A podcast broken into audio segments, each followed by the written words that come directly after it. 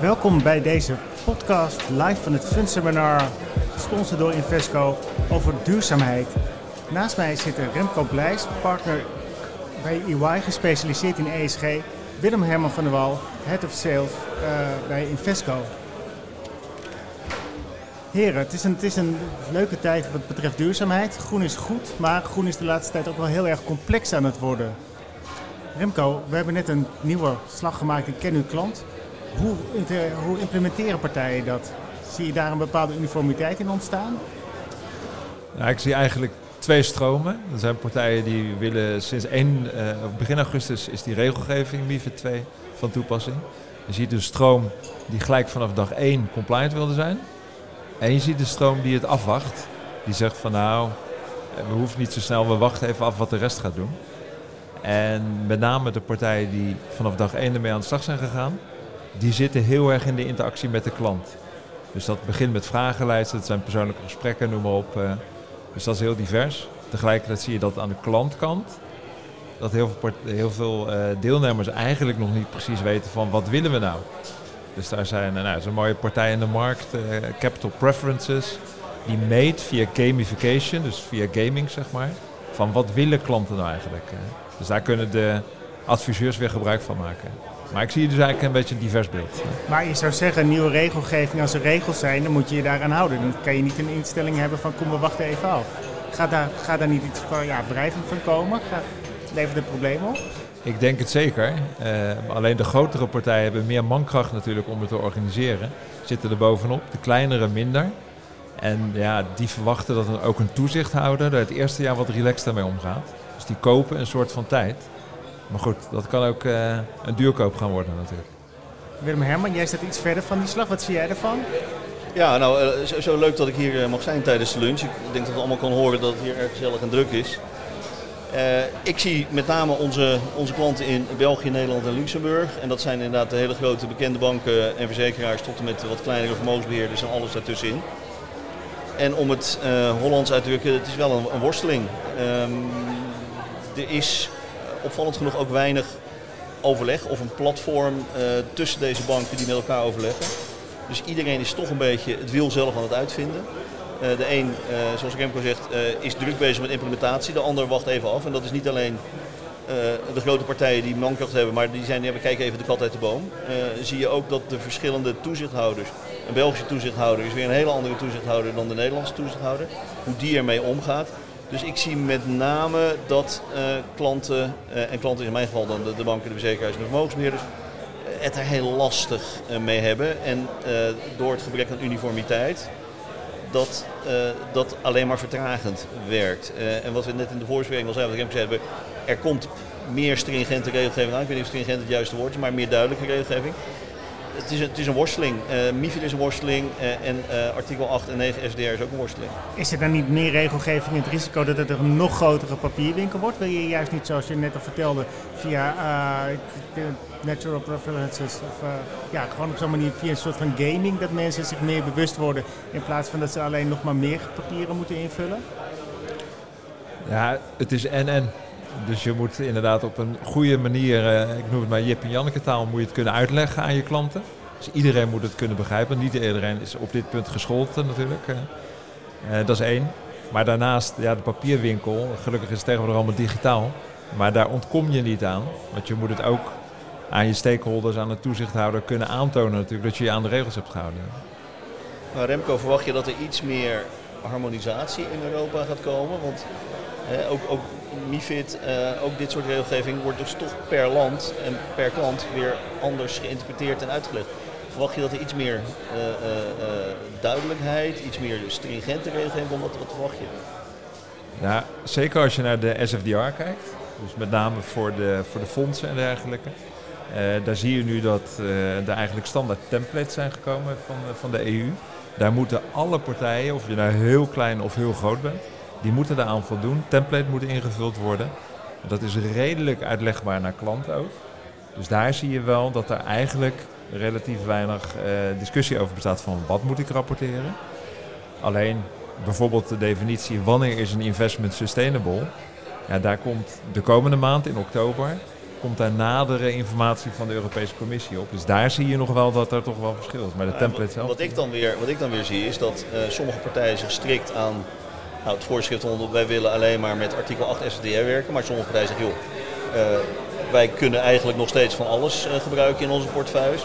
Andere partijen zeggen nou voor bepaalde soort klanten wil ik alleen artikel 9. Dus wat verwacht je daar? Want uiteindelijk zijn de banken nog relatief vrij om SFDR te implementeren in hun portefeuilles.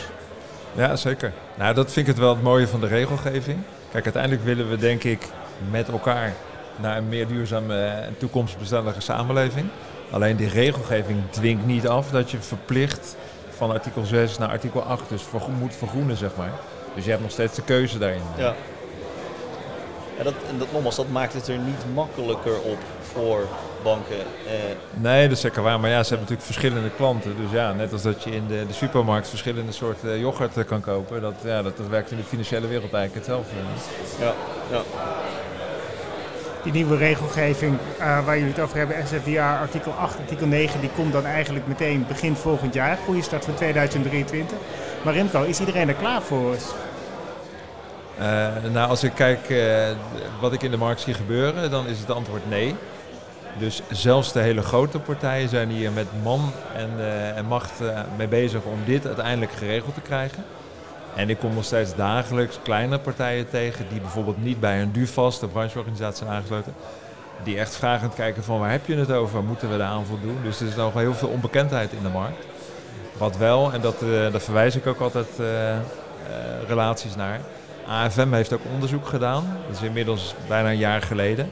En die heeft toen echt gezegd van nou, laten we in voetbaltermen, laat ik zeggen, het is een rode kaart. Op dit moment, als we nu toezicht zouden gaan houden op de regels die er toen lagen. Ze namen al een beetje nieuwe regels daarmee overigens ook. Hebben ze gezegd van oké, de markt is er zeker nog niet klaar voor, dus er moet heel veel gebeuren. Nou, binnenkort gaan ze weer een vervolgonderzoek doen. Dus dat is eigenlijk, eh, ja, dan moeten ze zien hoe staat de, industrie er echt voor. Maar ik denk dat er nog heel veel moet gebeuren. Nou, valt het dan wel te reguleren als de sector er nog niet klaar voor is? Kan je dan wel, die, hoe, hoe bepaal je welke partij je aanpakt? Hoe, ik een leven van een toezichthouder is dan ook niet eenvoudig. Nee, dat is zeker niet inderdaad. Eh, dus ik geef het ze te doen. Maar ja, kijk, er zit natuurlijk voor de toezichthouder het grootste risico wat er is, is natuurlijk dat er greenwashing gaat plaatsvinden. Dus met name partijen die zeggen dat ze heel groen zijn, maar dat in werkelijkheid niet zijn. Hè. Er zijn al eer- de eerste rechtszaken voor geweest, boetes, reputaties zijn natuurlijk heel erg eh, fragiel op dat, eh, dat punt. eh. dus ja, ze moeten wel iets doen Ja. om uiteindelijk dat level playing field te houden, zeg maar. Maar het is wel heel lastig. Simpelweg ook als reputatie als bedrijf. Je wil niet op dit punt door de mand vallen. Maar je, zegt niet iedereen is er klaar voor. Gaat er dan nog meer gebeuren? Gaan we meer greenwashing zaken naar buiten zien komen? Ja, greenwashing kan, maar dat is met name als je dus jezelf groener voordoet. Maar er zijn ook partijen die weten eigenlijk niet, hè, zijn we nou grijs of lichtgroen of donkergroen. Eh, en die harmonisatie van die regels, die moet ervoor zorgen dat dat duidelijker gaat worden. Alleen sommige partijen zijn echt nog zoekende op dit. En die bewegen ook van lichtgroen naar donkergroen en weer terug naar grijs. Dus wat dat betreft is het een tombola. Nou, ik denk, ik denk dat de, industrie en de sector wel erg geschrokken is van de, de bekende greenwashing eh, eh, eh, gevallen in de markt. Dus nou, ik werk zelf voor, voor een Amerikaans bedrijf. Wij zijn onwaarschijnlijk voorzichtig met onze labeling. Dat is soms wel eens lastig uit te leggen naar de markt en naar klanten toe. Van waarom zijn bepaalde producten, strategieën, jullie nog, nog geen artikel 8 of nog geen artikel 9. En dat is juist omdat we heel voorzichtig zijn en juist dat greenwashing eh, willen, eh, nou, willen tegengaan, willen voorkomen. Dus ik verwacht eigenlijk dat eh, zeker de volwassen industrie hier wel echt van geleerd heeft en voorzichtig is. Alleen dat versnelt natuurlijk niet de implementatie van, van alles. Hè. Dus over het algemeen heb je toch een beetje opportunisme nodig om dingen door te voeren. En er heerst door dit soort greenwashing eh, eh, eh, mediaberichten ook wel angst in de, in, de, in de sector en in de industrie. De, de nieuwe regelgeving is vooral ingestoken op klimaatverandering. Maar dat is natuurlijk niet de enige uitdaging waar onze planeet voor staat. Er wordt steeds meer gesproken over de SDG's. Ehm, zie je, Willem Hermans, zie je wat dat betreft ook een toenemende vraag naar SDG-producten? Zijn Zeker. daar bewust van? En Zeker. hoe krijgt dat een plaats in portefeuille? Zeker. Nou, dat- je ziet dat met name de, de grote pensioenfondsen hier heel vooruitstrevend zijn en daar ver in gaan. Eh, op het moment dat ze, nou, denk aan alles wat dat we de, de, de akkoorden van Parijs qua net zero investments, dat we dat moeten gaan ondersteunen. De grote uitdaging, ik vind het vervelend woord, maar volgens mij heb ik het een aantal keer gebruikt vandaag. De grote uitdaging is, is het gebrek aan data hier. Dus op het moment dat onze klanten iets op een bepaalde manier willen implementeren, bijvoorbeeld uh, uh, nou, wat is het, het stimuleren van zonne-energie, moet je wel de data hebben om dat inderdaad in een portefeuille te kunnen implementeren. Dan heb je een groot aantal dataproviders over de hele wereld. Dat zijn vaak grote commerciële organisaties of onderdelen van grote commerciële organisaties. Die uh, uh, niet éénzelfde data-analyse geven. Dus ook daar blijft het dus een beetje confuus, het beeld, of een beetje diffuus welke data kun je gebruiken om die SDG's te implementeren. En voor sommige SDG's is het makkelijk, maar klanten vragen ook om een track record qua data. Dus op het moment dat data heel nieuw zijn, in hoe, hoe betrouwbaar zijn ze dan? Dus ja, er is zeker vraag naar, maar het is lastig om het echt geïmplementeerd te krijgen in een portefeuille. Remco, moeten we wachten op goede data voordat we echt de grote problemen van onze planeet gaan aanpakken? Nou, ik hoop het niet, denk het ook niet. Uh, in dat kader is het wel goed, Willem helemaal wat jij zegt. En ik herken dat volledig, onderschrijf het ook. Uh, dus het belang van de SDG's, het geeft ook een goede structuur, het geeft keuze, het zijn er 17. Maar juist nummer 17 van de SDG's, dus dat, die pleit voor meer, partners, voor meer partnership inderdaad. Dus uiteindelijk moet je die datavraagstukken, die onduidelijkheid, die moet je met elkaar oplossen. En eigenlijk ook heel strak in de wedstrijd gaan zitten en zeggen van oké, okay, wij als industrie we gaan ervan uit dat als wij het op deze manier toepassen, dat dat voldoende is, ook voor de, voor de regelgevers. Uh, dus eigenlijk duidelijkheid als sector zijn te creëren. En bijvoorbeeld een DUFAS is daar met de sector heel erg uh, goed mee bezig, vind ik zelf, om dat met elkaar af te stemmen. En dat is eigenlijk ja, dat partnership model. Nou ja, wij, wij zitten natuurlijk op onwaarschijnlijk veel data. Hè. Behalve alle dataproviders maken we ook onze eigen research en onze eigen data. Voor ons is het natuurlijk wel lastig om juist onze toegevoegde waarde op het gebied van data, om dat breed te delen. Natuurlijk graag met onze klanten, maar om dat breed wereldwijd te delen. We zitten in 25 landen, uh, waarbij dan uh, we graag met DUFAS in gesprek zijn natuurlijk. Of je dat in alle landen zomaar wilt en kunt doen, dat, het, het, het, het probleem is, of het probleem, de uitdaging is heel groot, zullen we maar zeggen. Ja, nou, dat onderken ik wel inderdaad. Maar wat je terecht wat je aangeeft, ja, het feit dat die dataproviders, dat de data heel verschillend is, er zit weinig correlatie in. Ja, dat zou je dan eigenlijk met elkaar moeten oplossen. Want daar loopt echt iedereen tegen. Elke klant die ik spreek komt met dit punt. Dus ja, daar ligt een mogelijkheid voor een oplossing, hoop ik. Zie, zie je dat ook gebeuren? Nou, je, ziet, elkaar je, ziet, je ziet een aantal start-ups in de markt. Uh, vanochtend hadden we daar ook een interessante podcast mee. Uh, een start-up die, die uh, mogelijk gemaakt wordt mede door ABN AMRO die juist op zoek is naar de harmonisatie van dit soort data. Die dus eigenlijk probeert in het, eh, dat is puur een, IT-achtige uh, start-up, of puur alleen, het is een, IT-achtige start-up, die probeert een, een, een helder beeld in het oerwoud van data te krijgen. En dat is, het initiatief is natuurlijk fantastisch, uh, maar ze lopen met name vaak tegen grote commerciële belangen aan. Um, dus ja, MSCI gaat niet zomaar, denk ik, ik kan niet voor MSCI spreken, gaat niet zomaar zijn data ter beschikking stellen aan een dergelijk bedrijf. En dat, dat zal ja, opgelost moeten worden, om het zo maar te zeggen. Want hoe, hoe bewerkstellig je dat? Is het niet eigenlijk hetzelfde zoals dat is gegaan met CO2? Op een gegeven moment is daar één uniform standaard voor gekomen. Iedereen die meet het nu, je hebt scope 1, scope 2, scope 3. Steeds meer bedrijven rapporteren dat. Gaat hetzelfde proces ook gebeuren bij andere, ja, andere milieukwesties, andere planeetkwesties? Ja, ik, uh, ik denk het wel. Op dit moment heb je, je noemde net al uh, carbon, heb je de hè, accounting. Uh, nou, hetzelfde is nu voor biodiversiteit, zijn ook standaarden voor. En, en daar is echt mijn hoop op gevestigd, ook Willem helemaal jouw punt van de net. uiteindelijk moeten al die partijen moeten hun data gaan rapporteren aan de EU. En die hebben het ESAP opgericht, de European Single Access Point for Data. Daar moeten alle data bij elkaar gaan komen. Maar wat die, ja, wat die uiteindelijk met die mix aan data gaan doen, dat is nog op dit moment nog niet, uh, niet duidelijk. Maar daar zou uiteindelijk ja, de, de enige waarheid zeg maar, qua data uit moeten komen. Ja, ja. maar het, het is onwaarschijnlijk uh, complex. Ik vind het lastig om de parallel te trekken met, uh, met milieuregelgeving. We weten allemaal wat voor, hoe zeg je dat? wat voor situaties dat met zich meebrengt. Kijk alleen naar wat hier in Nederland gebeurt met, met stikstof en CO2. Um, nou, om nog even een commercial break te gebruiken. Als Invesco hebben we een aantal Paris-aligned ETF's, hè, die de Paris-aligned benchmark hanteren. Ehm, ik zou, behalve dat we daar graag commercieel succes, succes willen maken, graag willen dat het wat stringenter werd voorgeschreven vanuit de regio. Van laten we nou inderdaad, als we naar een net zero wereld toe willen, laten we wat stringenter dat voorschrijven.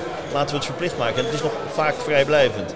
En Ja. dus het, het laat een keuze over. Ja, dat snap ik. Hè. Wat jij zei, je hebt bij, de, bij de Albert Heijn heb je ook verschillende eh, eh, keuzes. Maar op het gebied van milieu hebben we denk ik niet zo heel veel keuzes. Uiteindelijk zullen we toe moeten aan een milieubewuste en een klimaatbewustere omgeving. En als je dat als asset manager kunt, kunt stimuleren, ja, dan zijn wij graag van de partij. Dus eigenlijk niet alleen het verschil maken tussen 6, 8 en 9 fondsen, maar ook alle fondsen dwingen om die Paris Aligned route te volgen. Bijvoorbeeld, voor zover mogelijk. Ja. Remco, je had het net al over de hoop dat er meer uniforme data beschikbaar komt. We zitten in een lastige tijd. Onzekerheid in Groot-Brittannië, rare belastingplannen, pijpleidingen die gesaboteerd worden, overstroming in Pakistan, een oorlog en ho- hoge inflatie. Wat zijn de zaken waaruit jullie hoop putten voor de toekomst? Jazeker. Wat mij betreft is het kernwoord eh, change, dus de verandering. Dus er moet een hoop veranderen, zijn we het over eens. Er liggen heel veel kansen. Dus ja, we denken vaak in eh, negatieve dingen, problemen, complexiteiten. Maar er liggen juist heel veel kansen. En ik denk zeker, ook voor de asset managers, die daag ik ook een soort van uit. Eh, ik wil niet zeggen dat iedereen moet arbitreren, maar er gaan enorme pricingverschillen straks ook ontstaan. Op het moment dat er echt veel meer eh, serieuze milieuheffingen, boetes uitgedeeld gaan worden. verzin het maar, op sociaal gebied gaat er heel veel gebeuren. Ja, dan ga je gewoon echt de winnaars van de verliezers onderscheiden. En eigenlijk moet je daar nu al als asset manager, ook in je portfolio, je posities op gaan, eh, gaan innemen. Waardoor je, en dat is dan mijn antwoord, dus change, maar waardoor je dus ook tot betere eh, eh, financiële prestaties kan, kan gaan komen. In combinatie met een verbetering van de, van de ESG-doelen. Financieel rendement en klimaatrendement. Uiteindelijk is het altijd de combinatie van die twee. En, en ik ben het daar natuurlijk volledig mee eens, maar laten we het ook vooral vanuit een wat positievere grondhouding doen. We hebben de neiging natuurlijk om alle problemen eh, eh, te benadrukken en te belichten. Dat is ook in onze eigen communicatie. Eh, laten we vooral ook proberen naar de, naar naar de mogelijkheden en, het, en, de, de, de, positieve kant te kijken. Want inderdaad, we zijn er niet zomaar van vandaag op morgen, maar we zijn wel op de goede weg. Dus laten we dat vooral ook in beeld houden en het einddoel in beeld houden. En het een beetje positief benaderen. Dus dat, wat dat betreft zou voor mij dan 2023, dat, eh, daar hadden we het net over geslaagd zijn op het moment dat we met z'n allen wat positiever naar de kansen keken. In plaats van alleen maar de negatieve aspecten onderstrepen. Dat vind ik een hele mooie afsluiting van deze podcast, live van het Fund Seminar. Ik sprak met Remco Blijs, partner bij EY op het vlak van de ESG. Met Willem Herman van der Wal, Head of Sales EMEA bij Invesco. Mijn naam Michiel Pekelharing.